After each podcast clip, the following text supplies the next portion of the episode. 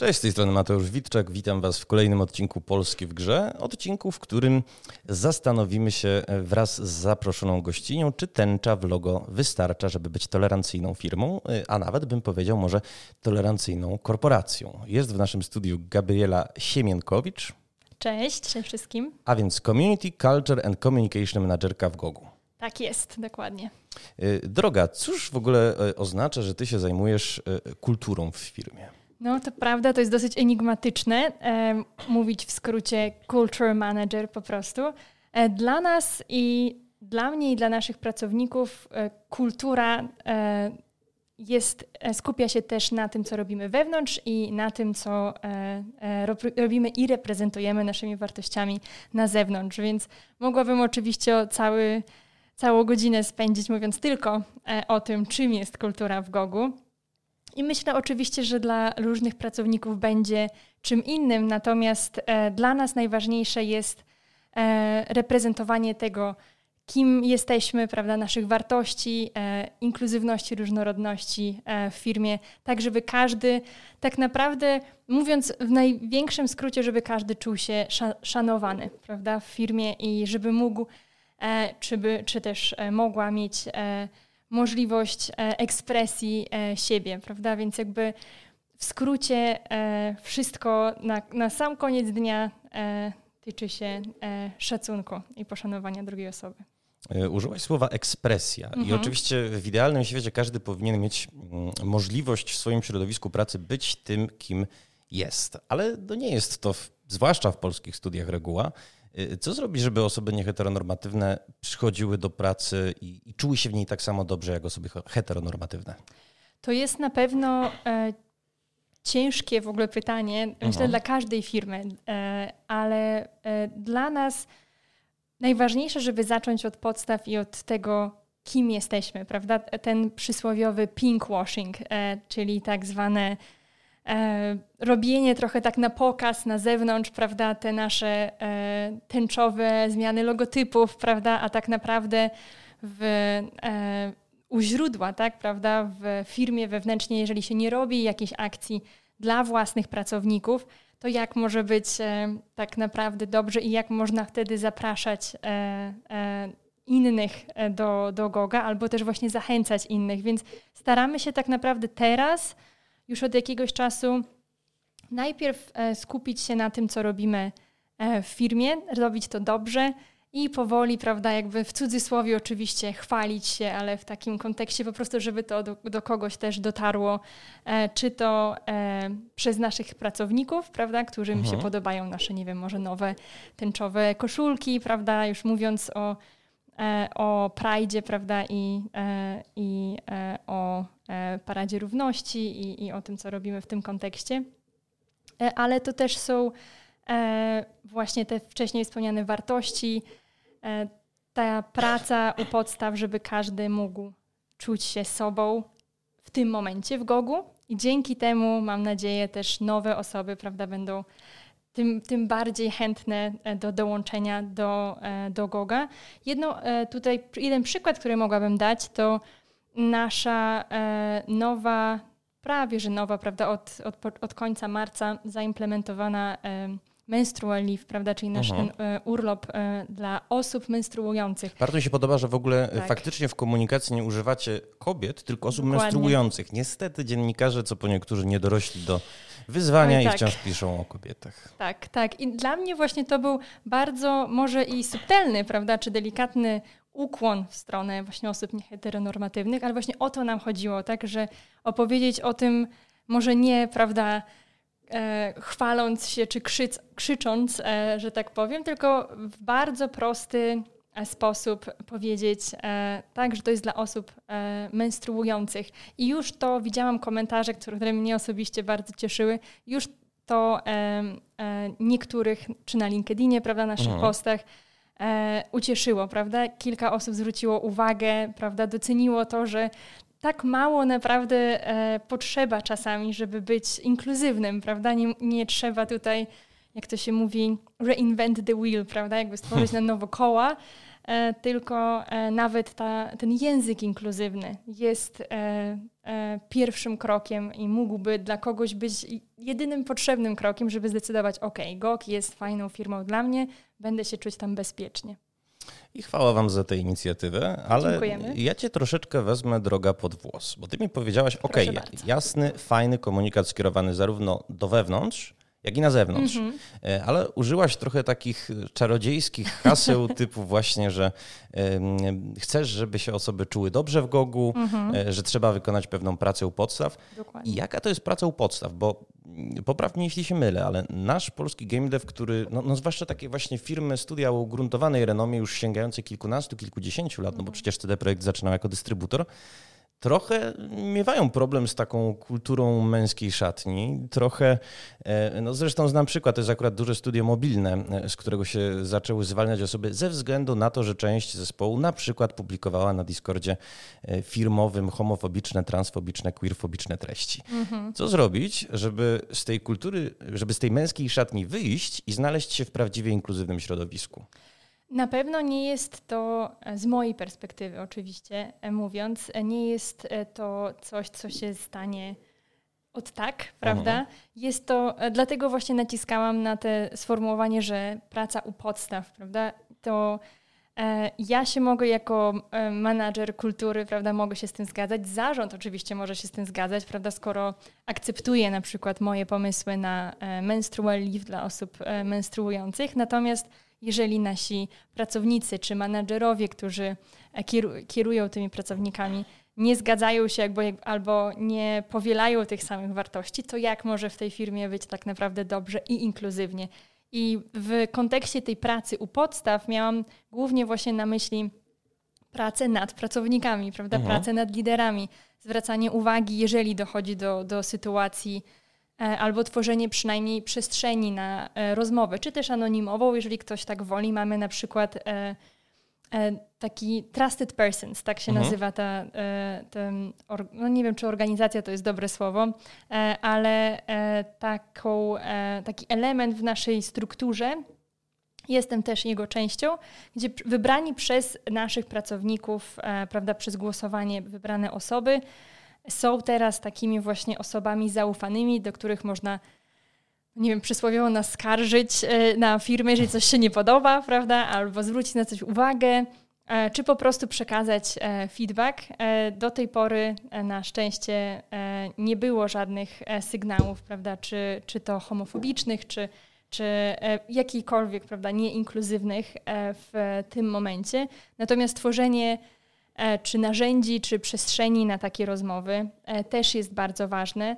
E, I tak jak wspominałeś o, o tym przykładzie firmy, no nie wyobrażam sobie takiej sytuacji u nas, ale oczywiście no to jest duża firma, prawda?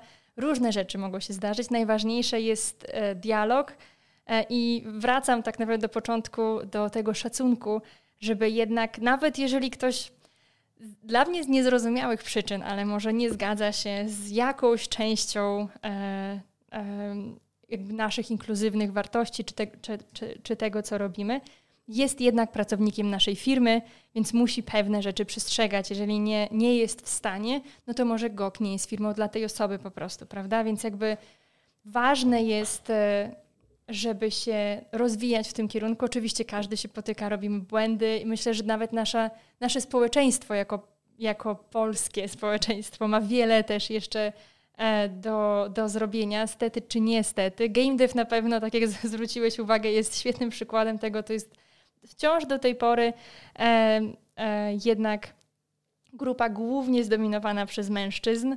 E, w tym jeszcze w Polsce często przez mężczyzn e, e, białych, prawda? Więc jakby dodajemy tutaj kolejny element. I na pewno jest ciężko, czy dla kobiet, prawda, takich jak ja, czy dla kobiet LGBT, takich jak ja, czasami się wybić. Reprezentacyjność, jeżeli mogę tak, się, tak to u, u, ująć, w firmie też jest ważna. W naszym mhm. zarządzie jest kobieta, Urszula Jachjaki, razem z Maćkiem Gołębiewskim prowadzą naszą firmę i nawet to, że e, Ula tutaj z nami jest, prawda, i jakby jest w stanie mnie wysłuchać, rozumie moje potrzeby, też, też jest e, ważne i naprawdę bardzo dla, w, mojej, w mojej perspektywie, w moim doświadczeniu nie było jakichś dużych blokad, prawda, kiedy na przykład przedstawiłam plan na, na menstrual leave, prawda, e, nie, nie było z tym jakby problemów, że tak powiem. Jakby oczywiście trzeba było to zaimplementować dobrze, ale udało się i, i idziemy jakby do przodu, więc to jest e, myślę, że czasami warto po prostu e, spróbować. No i mm, już Radek Grabowski, czyli e, w sumie nie wiem, jaką on teraz pełni funkcję, jakiś tam head Oj, tak. PR, Oj, właśnie. Już tam dokładnie, coś dokładnie. koło tego. Dyrektor czegoś tam. Tak, tak, to już jest y, tak. poważny człowiek. to prawda, Pozdrawiam to prawda. Radku serdecznie. Dokładnie, e, no, całujemy. Ów sygnalizował, że może y, urlop menstruacyjny objąć całą grupę CD Projekt, ale skoro już powiedziałaś o zarządzie GOGA i mhm. o tym, mhm. że tam jest kobieta, kiedy się doczekamy kobiety w zarządzie CDP-u? Ciężko mi powiedzieć, biorąc pod uwagę, że e, no, reprezentuję Goga e, w e, grupie. Tak naprawdę nie jestem w stanie powiedzieć, co będzie w CD Projekt Red, prawda? Mam nadzieję, że e, e, tutaj i w tym, w tym kontekście coś się będzie mogło zmienić. Ja się cieszę, że e, w Gogu nawet już pomijając Ule, nawet Maciek uważam w mojej perspektywie jest reprezentuje inkluzywność w jakiś Aha. Mhm. sposób, będąc e, młody, prawda, bardzo. E, więc też Maćka i Ule bardzo gorąco pozdrawiam. Ja też jestem w razie czego młody i nie jestem członkiem żadnego zarządu, a może bym chciał. To świetny przykład, prawda? Maciek tutaj pokazuje, że dla chcącego nic trudnego. Ale dobrze, no skoro słuchaj, tak sobie wesoło gawędzimy, to ja chciałem o niewesołą mhm. sprawę zapytać. Okej. Okay. Przypuśćmy, że w grupie CD Projekt pojawia się osoba transpłciowa mhm. i ona się autuje w CD Projekcie jako osoba transpłciowa. I, I, to nie jest akurat przykład, który sobie wyssałem z palca, bo rzeczywiście swego czasu na okoliczność magazynu, wywiadu dla magazynu Replika rozmawiałem kiedyś z waszą pracowniczką, która się E, wyautowała jako osoba trans, mhm. rozpoczęła proces uzgodnienia płci, e, który jak wiemy zresztą w Polsce jest e, niezwykle skomplikowany. I ta właśnie mm, transpłciowa kobieta mówiła, że wówczas trochę zabrakło chyba w CDP procedur. To znaczy z jednej strony część pracowników odnosiła się do niej z szacunkiem, nie deadname'owała jej, co jest dla osób trans nawet nie tyle jakimś, jakąś ujmą, tylko bywa wręcz torturą. E, natomiast e, zdarzały się akty mikroagresji ze strony współpracowników, kiedy miała wyjechać na chyba Gamescom, ale tutaj sobie nie dam głowy uciąć, mhm. może rękę, no to wydrukowano jej wizytówki ze starym imieniem co no bardzo, bardzo źle przyjęła. Już w CD Projekcie nie pracuje, natomiast jeżeli macie teraz e, osobę transpłciową, bo ja tutaj nie oskarżam, zwracam uwagę po prostu na to, że Wbrew pozorom emancypacja środowisk queerowych, w Polsce zwłaszcza, to nie jest wcale przepracowany temat i każda firma musi do tego dojrzeć. Dzisiaj, gdybyście mieli taką osobę trans, to czy otaczacie ją jakąś e, opieką psychologiczną? E, wiesz co, ciężko mi skomentować e, sytuację, której też jakby nie jestem e, zaznajomiona jakoś dobrze i było to e, na tyle dawno, że nie byłam częścią, e, nie byłam częścią grupy, ale jakby tak jak wspomniałeś na początku, jakby CD Projekt Grupa, czy GOG, czy CD Projekt Red, no podejmujemy się prób, podejmujemy się różnych wyzwań. Często jako pierwsi, nie żeby to był o, oczywiście jakikolwiek, mhm. prawda, konkurs.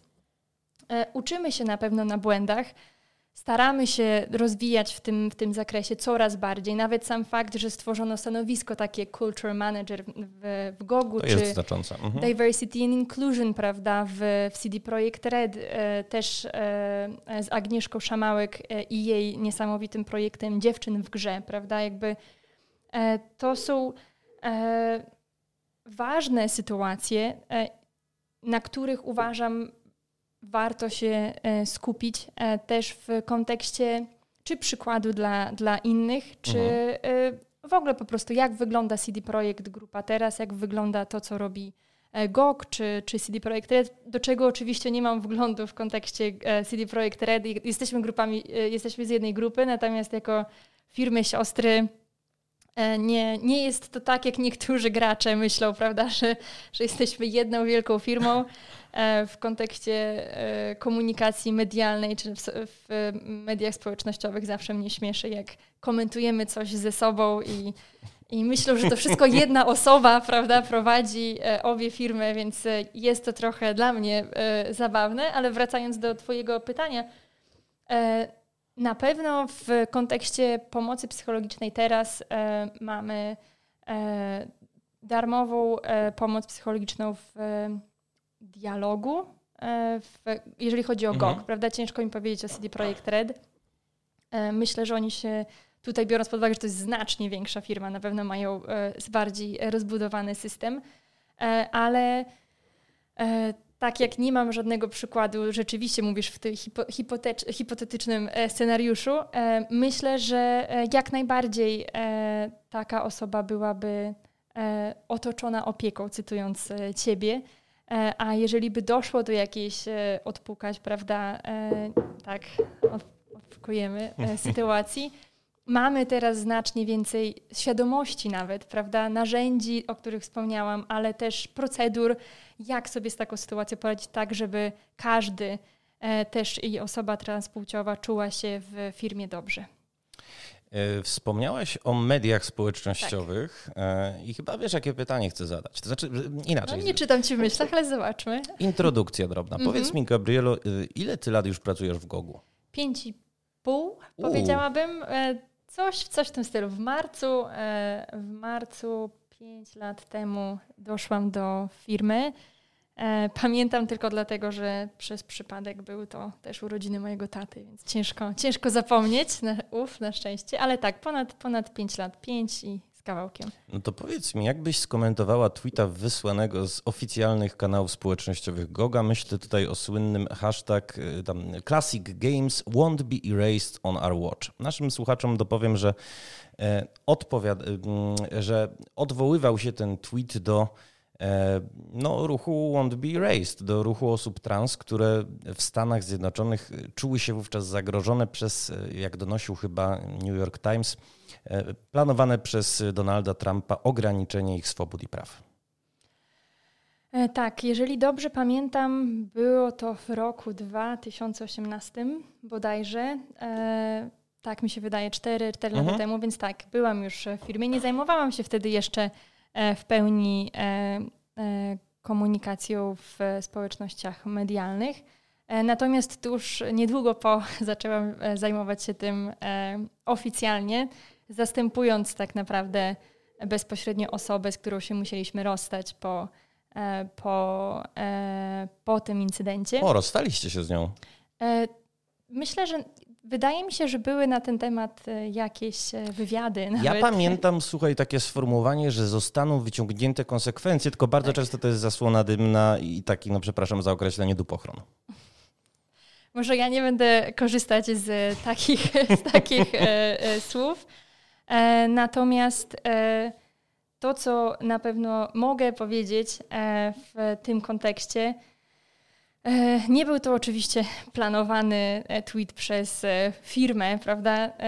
Ciężko na pewno zrozumieć taką sytuację z perspektywy użytkownika, że jak to jest możliwe, prawda, że tak do takiego posta w ogóle doszło w jaki sposób prawda, firma doprowadziła do tego, że jakaś, jakaś indywidualna osoba powiedziała, e, czy zapostowała to, co zapostowała. E, natomiast e, i wtedy byłam tego pewna w sumie po roku pracy w Gogu. Teraz już w ogóle jestem przekonana, że w żaden sposób to oczywiście nie reprezentowało ani wartości firmy, ani tego, co chcielibyśmy pokazywać na, na, na świat, jakby dla, dla naszych użytkowników. E, więc była to dla mnie też personalnie bardzo przykra e, sytuacja. Myślę, że wiele osób w firmie też to e, po prostu zbiło trochę i przygnębiło. Mnie, mi osobiście też nie wiem, jakiego tutaj słowa użyć. No, Gabriela ostrzegła, że się po angielsku ostatnimi tak. czasy głównie porozumiewa. Pracując w międzynarodowej firmie, zwłaszcza na moim stanowisku komunikacyjnym, powiem szczerze, że może trzy czwarte mojego czasu w ciągu tygodnia spędzam mówiąc już głównie po angielsku. Roger Dead. E, więc jest, jest to zawstydzające. E, no, ojczysty język mimo wszystko jest już dla mnie trochę e, trochę problematyczny, e, zwłaszcza w rozmowach, prawda, z, czy z rodziną, czy, czy ze znajomymi, którzy z angielskim nie mają tak dużego kontaktu. Natomiast wracając do, do tej sytuacji, oczywiście e, mówiąc tak w cudzysłowie, internet nie zapomina. E, I e, pomimo prawda, tych przysłowiowych potknięć o, o tym, o czym wspomniałeś w kontekście CD Projekt Red i o naszym personalnym e, e, hashtagu sprzed e, czterech lat bodajże. E, od tamtej pory naprawdę bardzo, e, bardzo się staramy, jakby nigdy więcej nie dopuścić do tego, żeby e, coś takiego mogło mieć miejsce. Jest to dla nas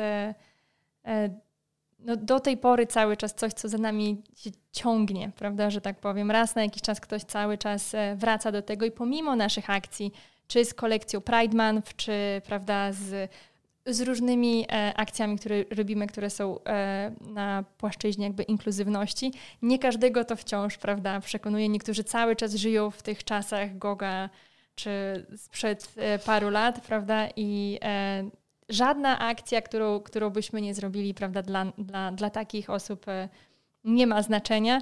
Nie jesteśmy w stanie zmienić e, e, wszystkich i nie jesteśmy w stanie też każdego przekonać, że nasze poczynania teraz, nasze akcje są szczere oczywiście, więc tego nie robimy, prawda? Nie jesteśmy w stanie zmienić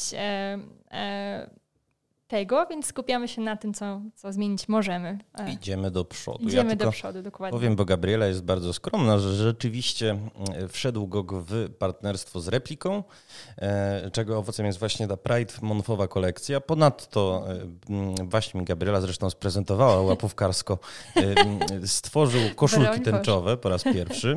No a w tak, dodatku tak. cała grupa wspiera KPH. Odbył się w zeszłym roku tak. charytatywny stream. Zebrano chyba 25 tysięcy złotych, a drugie tyle CDB dorzucił z własnej kieszeni. Wiem też, że członkowie, członkinie, osoby e, zatrudnione w grupie mm, no, wielokrotnie organizowały zbiórki prywatnie, nawet na, tak, na transfuzję czy na kampanię przeciw e, homofobii. No i z tego, co słyszałem, idziecie w ogóle firmowo na paradę.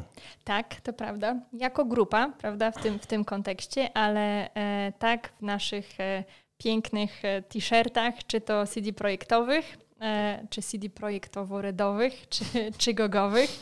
E, ale tak, idziemy na, e, na paradę. Z naszej perspektywy jeszcze gogowej staramy się tak podkreślać też tą naszą pasję do gier we wszystkim, co robimy i uważam, że dlatego to działa mhm. w Gogu, że to nie jest tak trochę odcięte zupełnie od, od gamingu, bo przecież w gamingu jest przestrzeń jak najbardziej powinna być, musi być, zawsze była i zawsze będzie przestrzeń na e, LGBT, inkluzywność.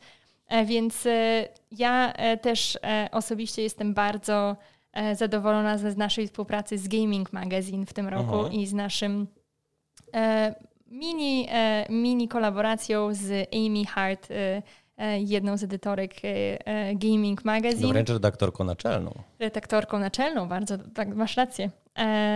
Zrobiliśmy wspólnie e, małą kolaborację. E, e, Amy stworzyła edytorial o jakby czterech jej ulubionych grach na Gogu, które mają właśnie jakiś LGBT, inkluzywną tematykę.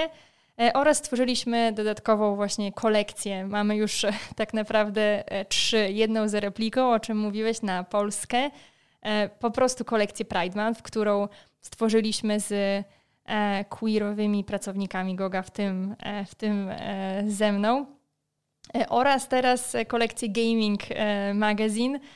No co prawda gry się powielają siłą rzeczy, siłą rzeczy natomiast prawda, Pride Month Collection na pewno jest największe, prawda, przez to, że staramy się tam pokazać jak najwięcej gier. Co prawda mamy też oczywiście tag LGBT+, gdzie wszystkie te gry można, można znaleźć. A Amy już e, zrobiła jakąś swoją własną, e, własną selekcję, a później opowiedziała o swoich czterech e, ulubionych grach, w tym mojej ulubionej grze Dragon Age Origins. Mm-hmm. No, Amy, bo miałem z nią kiedyś przyjemność rozmawiać powiedziała mi, że ona w ogóle odkryła, mm, że nie jest nieheteronormatywna dzięki Dragon Age'owi. Tak, tak, czytałam. Origins. Czytałam wywiad, tak. Y, rewelacyjna sprawa. Ale nie zatrzymujmy się nad tym dłużej, mhm. bo jeszcze o kilka wątków Cię chciałem zapytać. Droga, dość często się pojawia taki zarzut formułowany bardzo często przez osoby, które mają równość w nosie, by nie powiedzieć, że trochę niżej że CDEP, że GOG, że generalnie wielkie firmy wspierają osoby LGBT, robią te, publikują podczas mhm. miesiąca dumy tęczowe logotypy, ale co z Bliskim Wschodzie, Wschodem? Dlaczego na tamtejszych kanałach społecznościowych e, tęcza się nie pojawia? Jakbyś takim no, niedowiarkom i kwękaczom, że sobie pozwolę na taki neologizm, odpowiedziała? Oj, ciężko, ciężko mi odpowiedzieć, biorąc pod uwagę, że GOG nie ma kanałów na, e, ja na Bliskim Wschodzie. Za CD Projekt Red odpowiedzieć nie mogę, e, biorąc pod uwagę, że jesteśmy różnymi firmami, ale odcinając się jakby od grupy, mhm. E, bo są, prawda, te nieszczęsne memy, czy to Bethesdy, prawda, gdzie zmieniają ikonki, prawda, na tęczowe, ale nie na wszystkich kanałach, prawda. Myślę, że każda inicjatywa, która w jakikolwiek sposób pomaga, czy, czy e, ojku, prawda, mój polski tutaj teraz, spreads awareness, prawda, mhm. czyli jakby pomaga w e, uświadamianiu całego społeczeństwa, e, w jakikolwiek sposób by to, by to było odebrane, czy jeżeli nie jest to możliwe z perspektywy tej firmy, żeby zrobić to wszędzie, to nie mnie o tym decydować. Ja się cieszę, że w ogóle jakiekolwiek próby są, e, e, są e, mm, tutaj brane pod uwagę, czy różne dotacje, prawda, czy to w naszym kontekście, prawda, KPH, ale jakby wiem, że wszystkie te firmy robią to też dla swoich pracowników. Różnie na świecie wygląda postawa do społeczności LGBT. Sama wiem, jak to jest też w Polsce. E, bo nieraz myślę, e, czy to ja, czy, czy moi znajomi też doświadczaliśmy różnych to e, przykrych sytuacji. Ważne jest, żeby się starać i prawda, na tyle, na ile jest to dla nas w tym momencie możliwe, po prostu próbować. I myślę, że e, oczywiście znajdą się ludzie, którzy zaczną prawda, wytykać, e, dlaczego tu tak, a tam, tam inaczej, prawda. E, co to znaczy w kontekście w takim wypadku wartości firmy, prawda? Czy one mhm. są różne w, w różnych regionach. E, no jest tu oczywiście aspekt e, polityczny, geopolityczny, na który no my jako, jako e, indywidualne osoby nie mamy, nie mamy wpływu. Natomiast ja uważam, że mimo wszystko należy robić co tylko jest w naszej mocy, jakakolwiek by ta moc nie była. Ja ci tu sukurs przyjdę, bo też mi się wydaje, że primo, bardzo często takie osoby, no właśnie, nie przejmują się inkluzywnością, tylko chcą wykazać jakiś trochę, tak. cynizm, tak. czy, mm -hmm. czy nie wiem. No, no, właśnie ze strony korporacji zupełnie mm -hmm. nie zauważając, że to nie jest tak, że korporacja to jest bezosobowy twór, tylko Dokładnie. to są przede wszystkim ludzie, to są osoby, to są indywidualne historie, bardzo często no, historie tragiczne, no bo o czym być może za rzadko pamiętamy, y, y, coming out czy, czy życie w ogóle jako osoba nieheteronormatywna wcale w Polsce do łatwych nie należy. Nie ma lekko, to prawda. Nie ma lekko. E, a poza tym no, cała grupa ma kilka chlubnych kart, że tutaj tylko przypomnę, e, chyba dwa lata temu e, zmianę logotypu w połowie czerwca, co było dość dziwne, ale jednocześnie poszła za tym rozmowa panów Kicińskiego i Badowskiego z jakimś tam medium chyba biznesowym, w której padły te mhm. słowa szacunek, e, tolerancja i szacunek e, pozytywnie wpływają na innowacyjność, które w oderwaniu od kontekstu może były, były nieznaczące. Natomiast w szczycie kampanii wyborczej, kiedy mieliśmy nagonkę ze strony mm, koalicji rządzącej i prezydenta Andrzeja Dudy na osoby nieheteronormatywne, to był ważny i bardzo potrzebny znak. To prawda, zgadzam się. No dobrze, to już sobie pokiwaliśmy. Plus jeden, plus jeden, tak, pokiwaliśmy głową. Pokiwaliśmy e, e, głową. E, a słuchaj, powiedz mi, co by w ogóle się wydarzyło, gdybyście w Gogu mieli na przykład jakiegoś wybitnego specjalistę, specjalistkę, mhm. który, która nie chciałby, nie chciałaby mhm. dostosować się do tych firmowych wartości? Czy przekładalibyście wyżej talent i doświadczenie tej osoby by ponad, no właśnie, fakt, że nie wyznaje mhm. tych wartości, które wyznaje grupa? E, myślę, że znowu zacznę od e, symbolicznego odpukania, że do tej pory nie było takich sytuacji. Mam nadzieję, że do nich nie, nie dojdzie. E, myślę, że może od, przez chwilę e, od, odchodząc od tej hipotetycznej e, sytuacji, ważne jest też, żeby te wartości były gdzieś widoczne w e, też procesie rekrutacyjnym, prawda?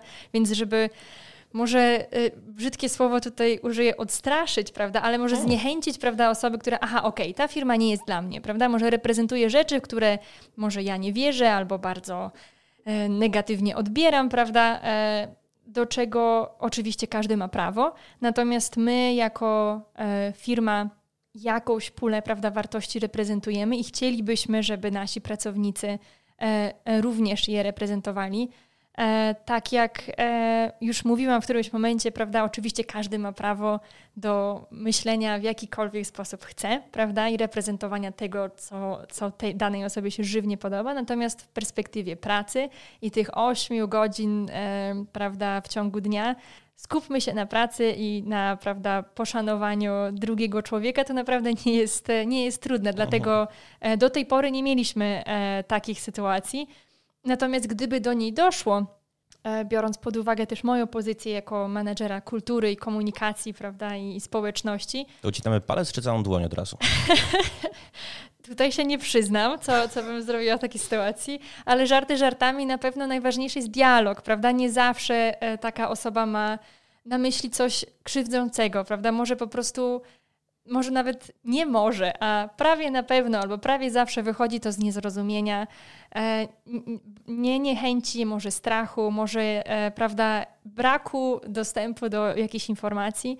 E, więc czasami nawet zwykła rozmowa z taką osobą może pomóc, ale jeżeli idziemy już w ten taki najczarniejszy scenariusz w tej hipotetycznej sytuacji, no to E, tak jak e, myślę, wspomina, wspomniałam w którymś momencie, jeżeli nie dojdziemy do porozumienia, no to jednak firma reprezentuje dane wartości, więc może, e, jeżeli naprawdę po różnych próbach prawda, komunikacji, jeżeli nie dojdzie do, do porozumienia, no to może GOK nie jest wtedy firmą dla takiej osoby, prawda? Tutaj mogła, mogę nawet dać mały przykład w kontekście właśnie tego urlopu menstruacyjnego. Mamy w GOGu taką tradycję, e, miesięcznych, comiesięcznych spotkań, prawda? Nazywamy je GUG Monthly.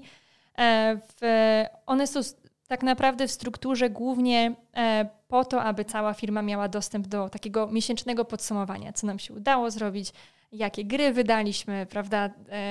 E, co tak naprawdę się działo. Prawda, są różne działy. Wiem, że każdy myśli, że game dev to po prostu gracze, ale są różne e, e, działy, które tak naprawdę dużego E, nastawienia do gier, czy e, nie mają, e, prawda? Czy nie mają tak naprawdę dużego doświadczenia w ciągu ich pracy z grami, więc fajnie jest jednak, jeżeli jesteśmy wszyscy w tej przysłowiowej, tej samej stronie.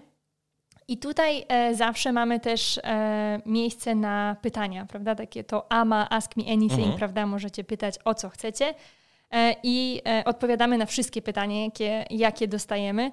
I przy, e, przy informacji o tym, że ten urlop menstruacyjny się pojawi, też pojawiło się pytanie, które naprawdę wynikało tylko i wyłącznie z niezrozumienia, bo jeden, jeden z pracowników zwrócił uwagę, no okej, okay, ale dlaczego robimy urlop menstruacyjny dla menstruujących osób?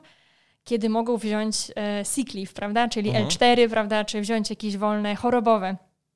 I kiedy wytłumaczyliśmy mu, że no, e, to jest to prawda, tak, istnieje e, coś takiego jak L4, czy prawda, ten urlop, e, e trochę na, zwolnienie lekarskie, e, no, menstruacja i okres nie jest chorobą, prawda, więc jakby E, wyjście naprzeciw takim pytaniom i fakt też, ja się osobiście bardzo cieszę, że to pytanie e, padło, bo po pierwsze oznacza, że jest e, poczucie bezpieczeństwa, że takie pytanie można zadać, prawda, i nie, nie spotka się właśnie, nie wiem z czym, czy z czy ktoś się może nie weźmie na serio, prawda, czy albo odpowie jakąś agresją, czy niezadowoleniem, prawda, tylko otwarcie porozmawialiśmy o tym, że są różnice między tym i oczywiście urlop menstruacyjny e, menstruujące osoby e, różnie odbierają. E, I po, po naszym spotkaniu, jakby ta osoba, co prawda to były anonimowe pytania dla firmy, ja natomiast miałam dostęp do tego, kto takie pytania zadawał.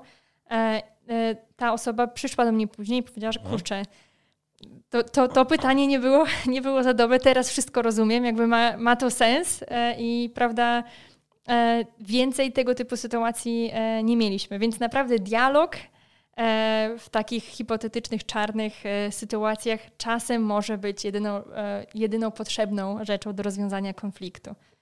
I bardzo mnie cieszy, że takie rozmowy uskuteczniacie i mam nadzieję, że uskuteczniać dalej będziecie, bo faktycznie y, poprzez dialog, poprzez też edukację Dokładnie. Y, zbliżamy się do siebie i tak. niwelujemy te różnice, które, które mogą w takich sytuacjach wyniknąć. Bardzo Ci dziękuję, droga, że znalazłaś dzisiaj chwilę. Przypomnę naszym słuchaczom i słuchaczkom, że naszą dzisiejszą gościnią była Gabriela Siemienkowicz, E, tak, dziękuję bardzo dzisiaj Mateusz za ten e, wywiad. To ja Ci serdecznie dziękuję. Community Culture and Communication Managerka 3 razy C. 3 razy C, tak, dziękuję bardzo. Dzięki piękne.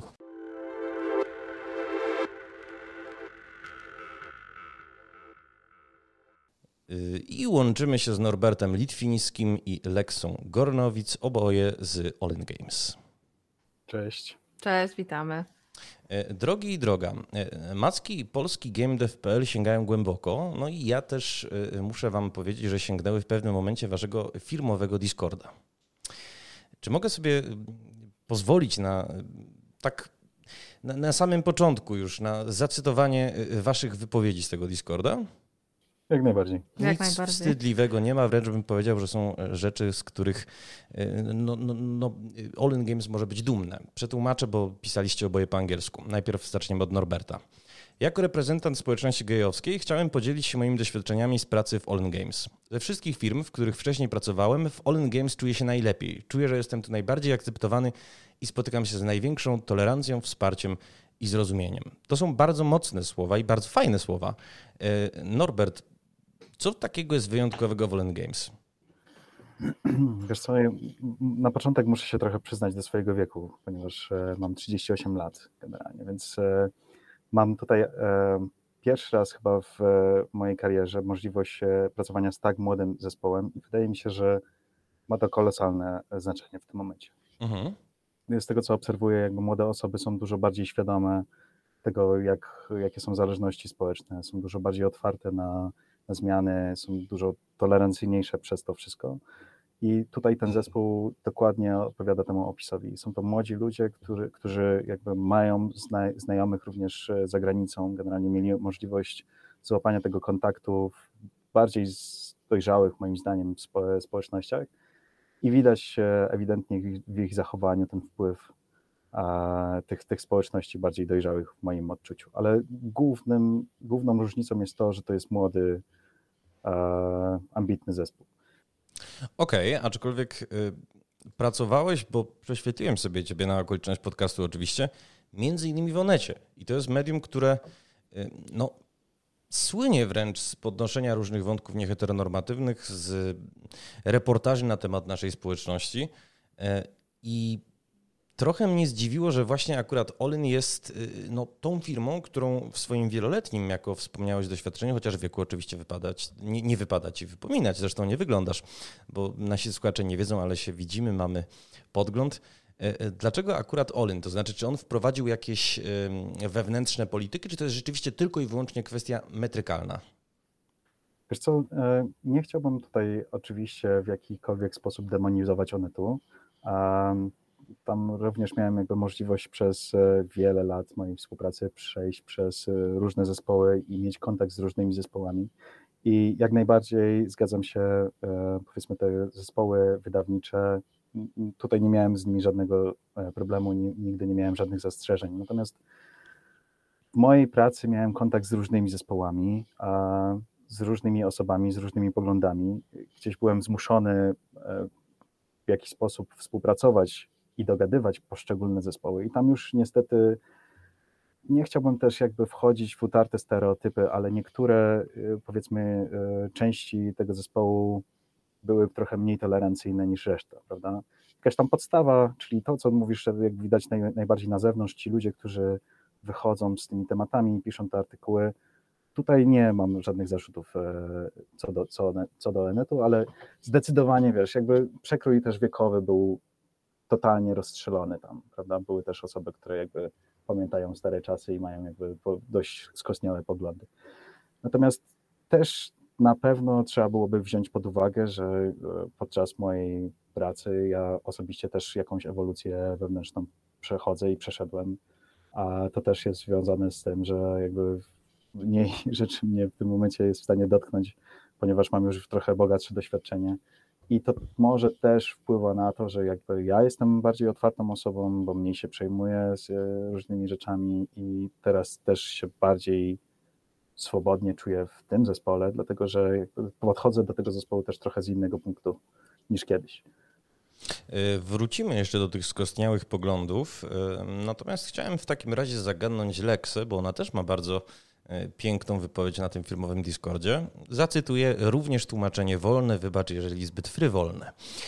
Przez większość życia, szczególnie w szkole, na uniwersytecie i w pracy, bardzo ostrożnie dozowałam informacji na, informacji na temat mojego życia prywatnego.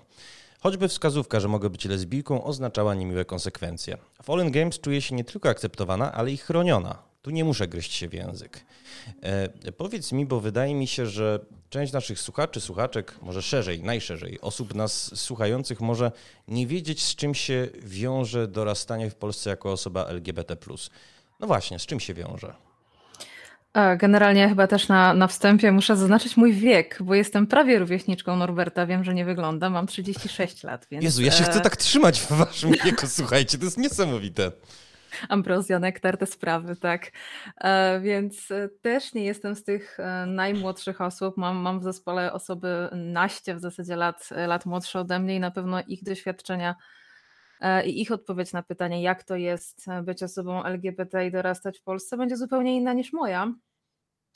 Za moich czasów, jak to pięknie brzmi, e, w zasadzie temat był na tyle tabu, że podejrzewam, że oboje tu z Norbertem moglibyśmy dochodzić do swoich e, e, coming outowych historii, kiedy sobie uświadomiliśmy i tak dalej, i tak dalej. Więc ja też podejrzewam, że, um, że dostępność przede wszystkim informacji na ten temat była tak, tak znikoma, E, że sami ze sobą e, prawdopodobnie w tym wieku e, musieliśmy, musieliśmy dealować i szukać tej swojej tożsamości, więc absolutnie nie było żadnej pomocy. Nie było internetu, co brzmi kosmicznie, bądź był na kilogramy, więc nie, nie było możliwości szukania informacji na ten temat. Jakiekolwiek wsparcie w szkole, no nie, jeżeli, jeżeli byli psychologowie szkolni, to oczywiście zajmowali się no, słabymi wynikami z matematyki, a nie jakimiś problemami tożsamościowymi. Także temat był na tyle tabu, że w zasadzie każde odstępstwo od normy, tej w cudzysłowie oczywiście, e, było traktowane niemalże jak choroba psychiczna. I było takie, no fe, tego się nie tykało, nie rozmawiało o tym, było się jakimś egzotycznym człowiekiem, tak?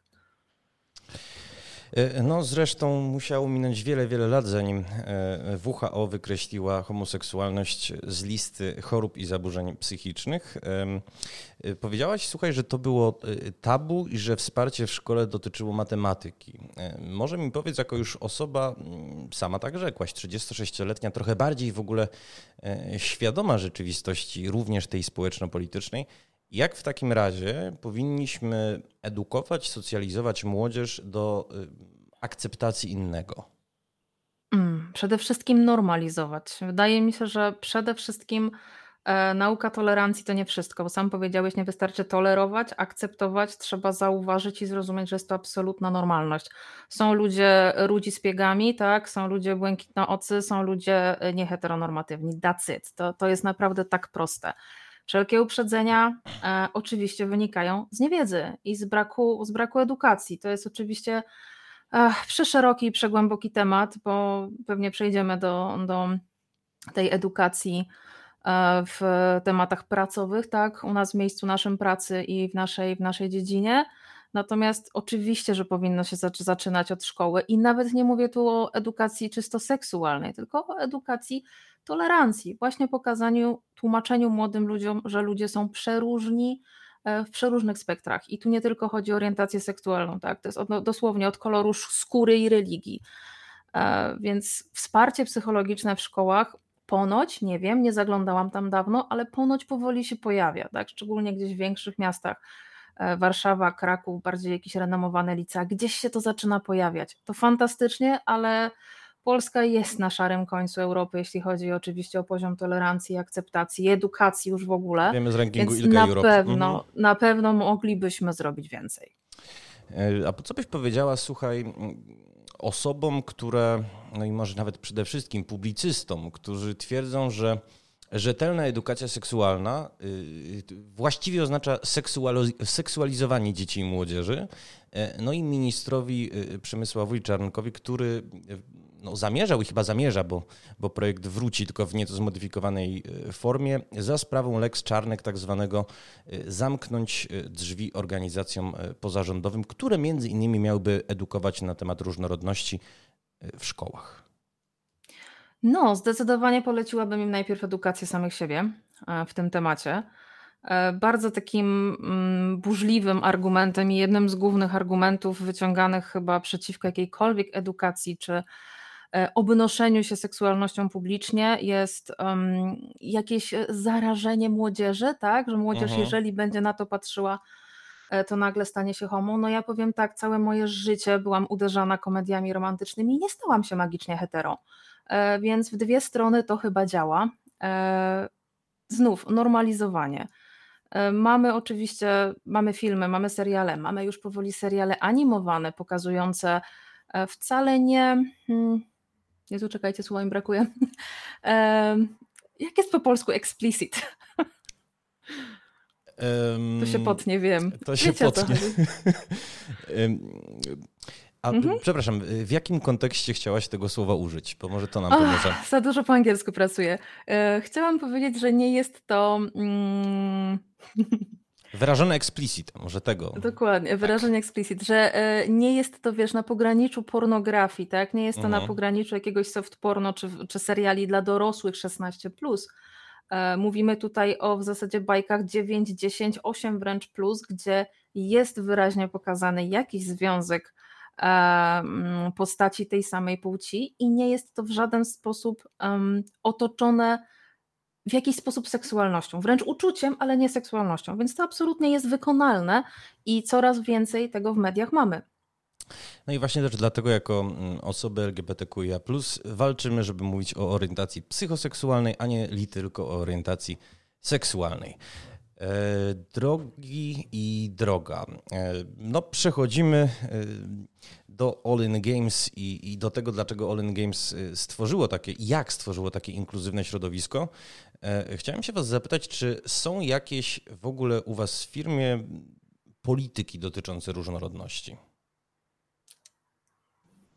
Wiesz co, no ja ze swojego doświadczenia dwóch lat przepracowanych w All In Games, mogę powiedzieć, że e, to było dość e, jakby gładkie wejście w strukturę firmy, które jakby nie sugerowało mi, że jakaś konkretna polityka jest prowadzona, jeśli Mhm. mogę tak to ująć.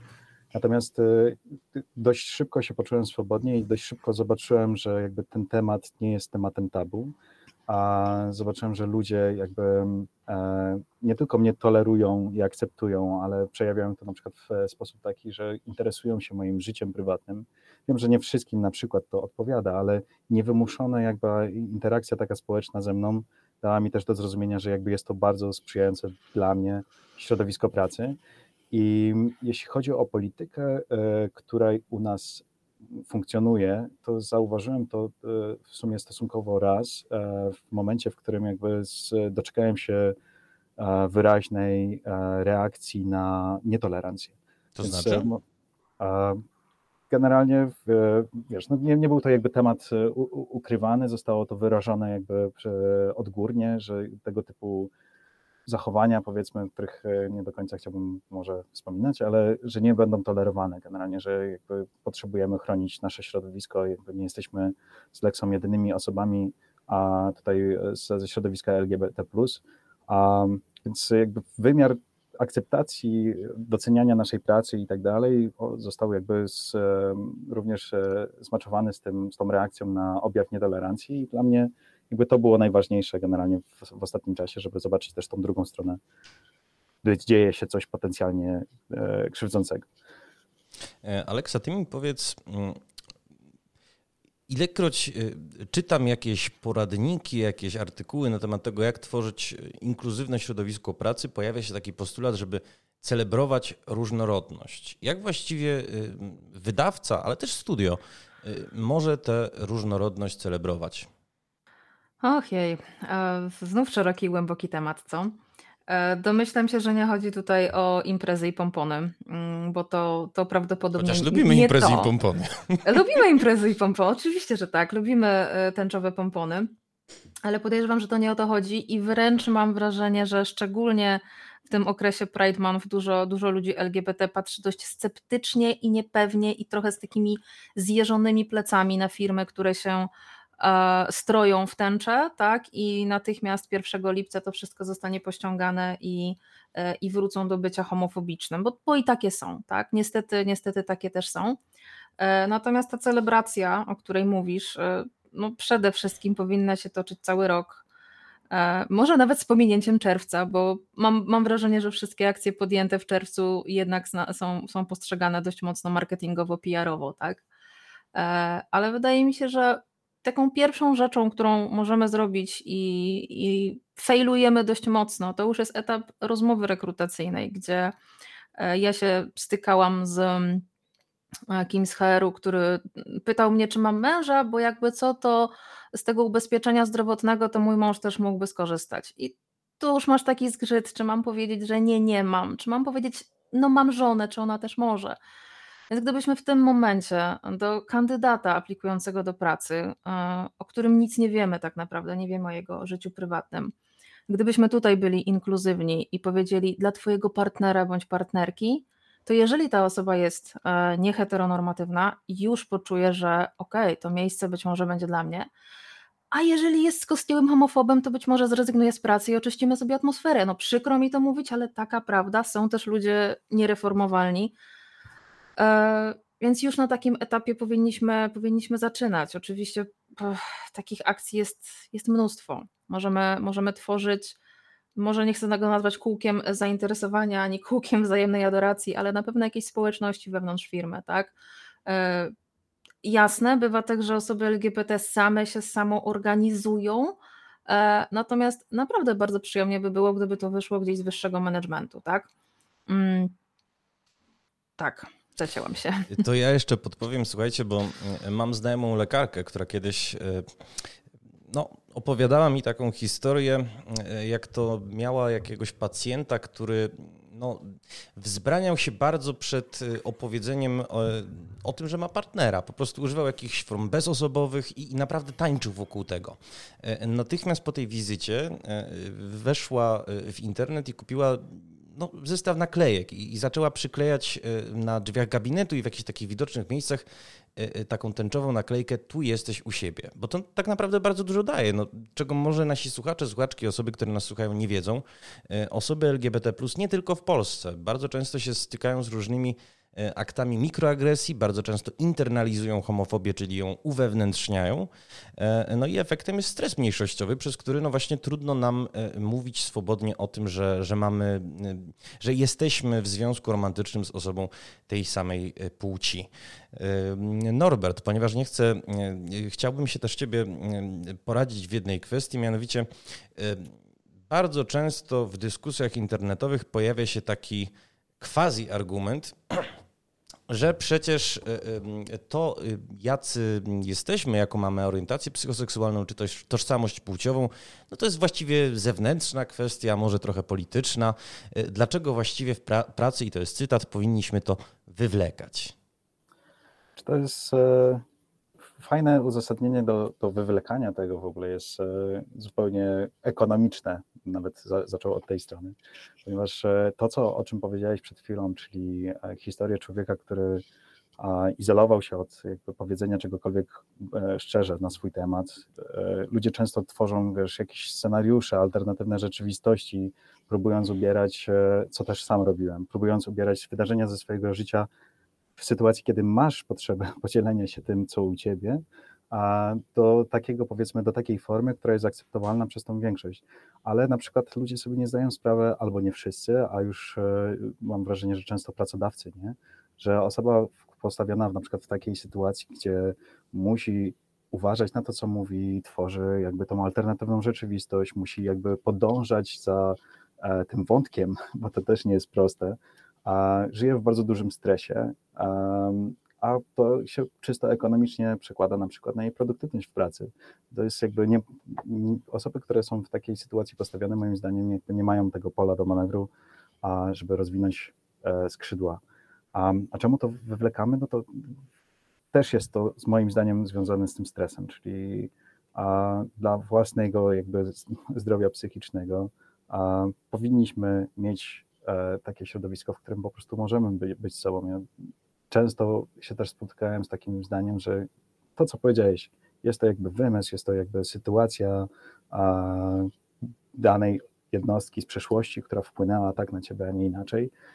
Próbowałem to tłumaczyć również e, swojej mamie generalnie, że jakby no w moim na przykład przypadku pierwsze jakby takie zachowania homoseksualne, które identyfikuję dla siebie, miałem w wieku na przykład 6 lat. To też jest związane z tym, co, co mówiłeś o Lex Czarnek, e, gdzie edukacja takich dzieci powinna być od samego początku. To jest jakby dla mnie to jest oczywiste, że po prostu dzieci się interesują takimi tematami, powinny mieć ochronę jakby psychologiczną zapewnioną od, od samego początku.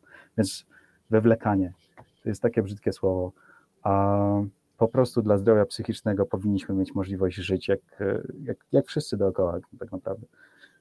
Naturalnie i trochę mi wstyd tak naprawdę, że musimy to tłumaczyć w 2022, ale być może ktoś trafi E, na naszą audycję, kto o tym nie wie. Natomiast do tej, e, tego, że zacząłeś identyfikować się pomału jako osoba homoseksualna w wieku 6 lat, całkiem niedawno prowadziłem rozmowę z Piotrem Jaconiem i jego córką Wiktorią. E, I powiedzieli mi de facto to samo, to znaczy, że już osoba sześcioletnia może zdradzać pewne przesłanki no, odnośnie do dysforii, do, do tego, że czuje się niezgodnie z płcią przypisaną przy urodzeniu. E, wspomniałeś natomiast, Norbert, o bardzo ważnej dla mnie kwestii, mianowicie, że tolerancja e, powinna mieć, jeżeli już nawet nie moralne, to ekonomiczne podłoże. E, I chciałbym, żebyście oboje spróbowali mi opowiedzieć, a nawet nie mnie, ale sceptykom, co homofobia, queerfobia, transfobia czyni dla firmy, to znaczy co ona traci na tym, że jest nietolerancyjna, że nie stwarza dobrych warunków dla osób nieheteronormatywnych. To jest bardzo szeroki temat. Wiemy, y, dla y, ułatwienia polecam użyć określenia drenaż umysłów.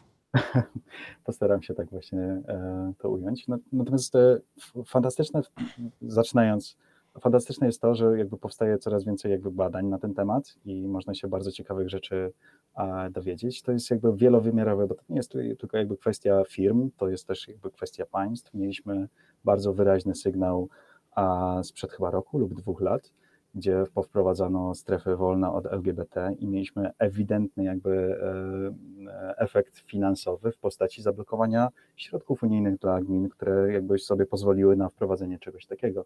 A jeśli chodzi o jakby bardziej mikro, ten powiedzmy wymiar, czyli firmowy, to środki finansowe z Unii to jest jakby jedna e, rzecz, ale są też firmy, które na przykład próbują pozyskać międzynarodowe jakieś e, e, środki finansowe na rozwój, na inwestycje. To może być zablokowane, jeśli jakby opinia o firmie jest taka, że jest firma nietolerancyjna.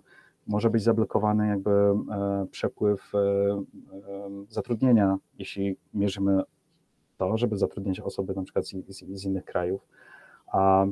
Również jakby jest, i to też myślę, że oboje macie e, przykłady ze swojego e, środowiska, są osoby na przykład wysoce wykwalifikowane w naszym kraju, które do tego stopnia na pewnym etapie swojego życia spotkały się z nietolerancją, że jednak decydują się opuścić kraj, prawda? Szukają tego środowiska, które jest im bardziej sprzyjający.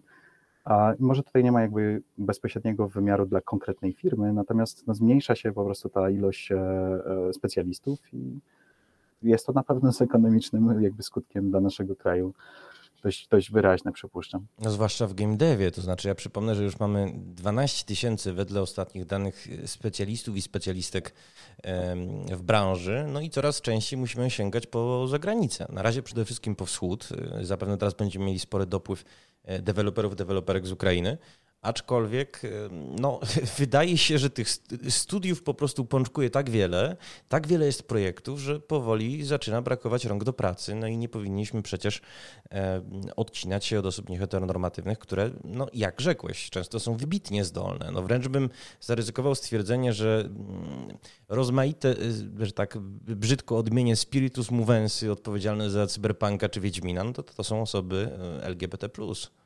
Y, Leksa, czy coś do dodania? Bo tak żeśmy się zagadali z Norbertem.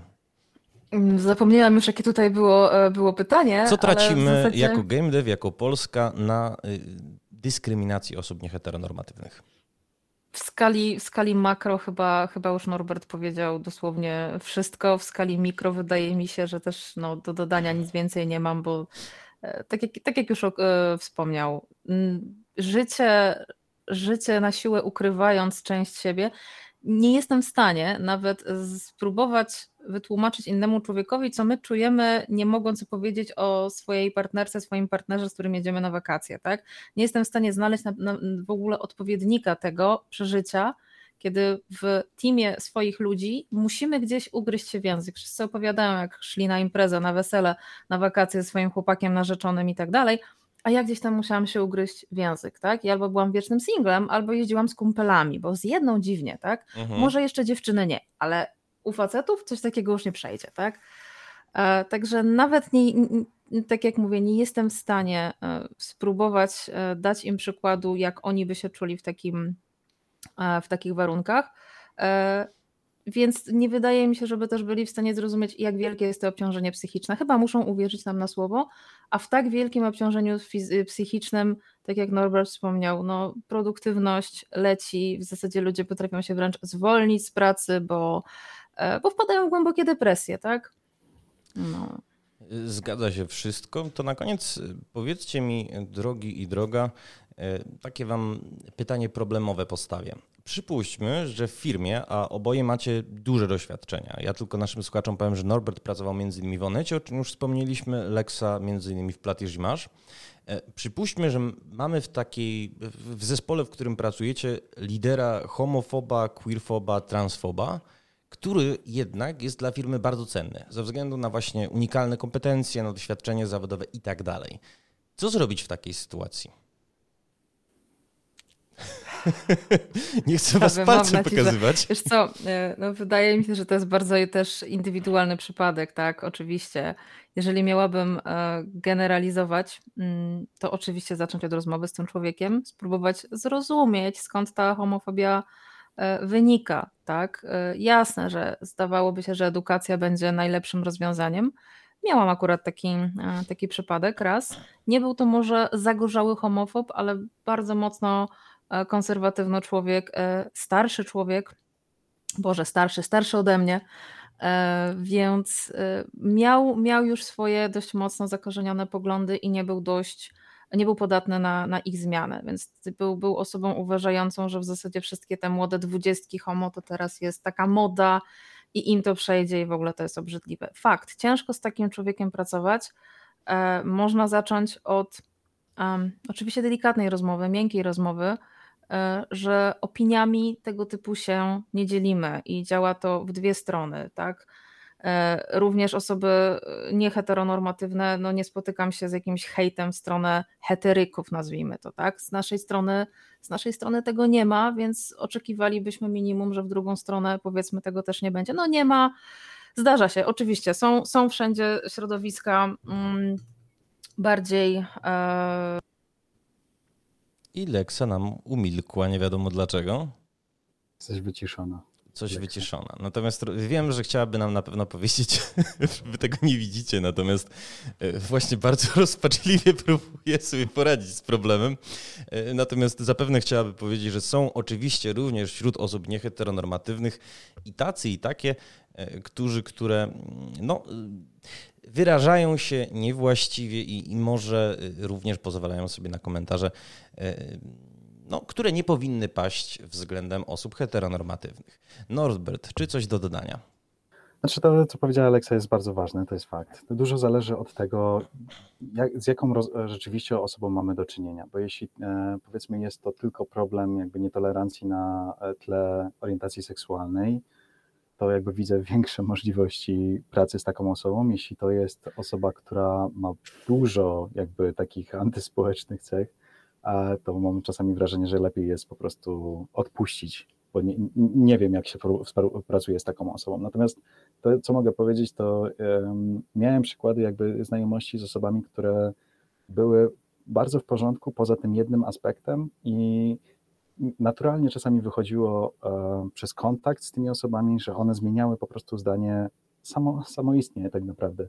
Nie chciałbym tutaj jakby też wchodzić w taką powiedzmy retorykę, że musimy coś udowadniać komuś albo starać się coś udowodnić e, po to, żeby zmienić czyjeś zdanie, ale często to wychodzi bardzo naturalnie i to jest super, a wydaje mi się, że też takie właściwe ludzkie podejście do, do drugiego człowieka w ogóle generalnie jest ważne, bo te, mam wrażenie, że wiele z tych uprzedzeń wynika z faktu, że ludzie po prostu postrzegają nas jako, jako zło w jakiejś tam formie generalnie. Więc jeśli mają możliwość zaobserwowania, że to jednak nie jest prawda, a są osobami myślącymi, to gdzieś ta zmiana naturalnie w nich potrafi zajść też.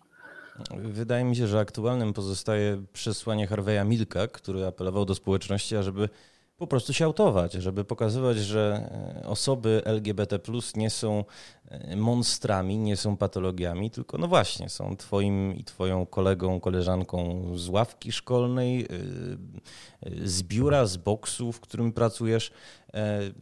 No i po prostu jesteśmy wśród was i nic złego nie robimy, nikogo nie gryziemy, nikomu krzywdy nie robimy. Bardzo Wam, słuchajcie, dziękuję za dzisiejszą rozmowę. Wiem, że też łatwa nie była. E, przypomnę naszym słuchaczom i słuchaczkom, że moim e, gościem był dzisiaj Norbert Litwiński. Miło mi było, dziękuję bardzo. A gościnią Leksa Gornowic. Przyjemnie było, dziękuję. Oboje z Olon Games. Do zobaczenia, do usłyszenia.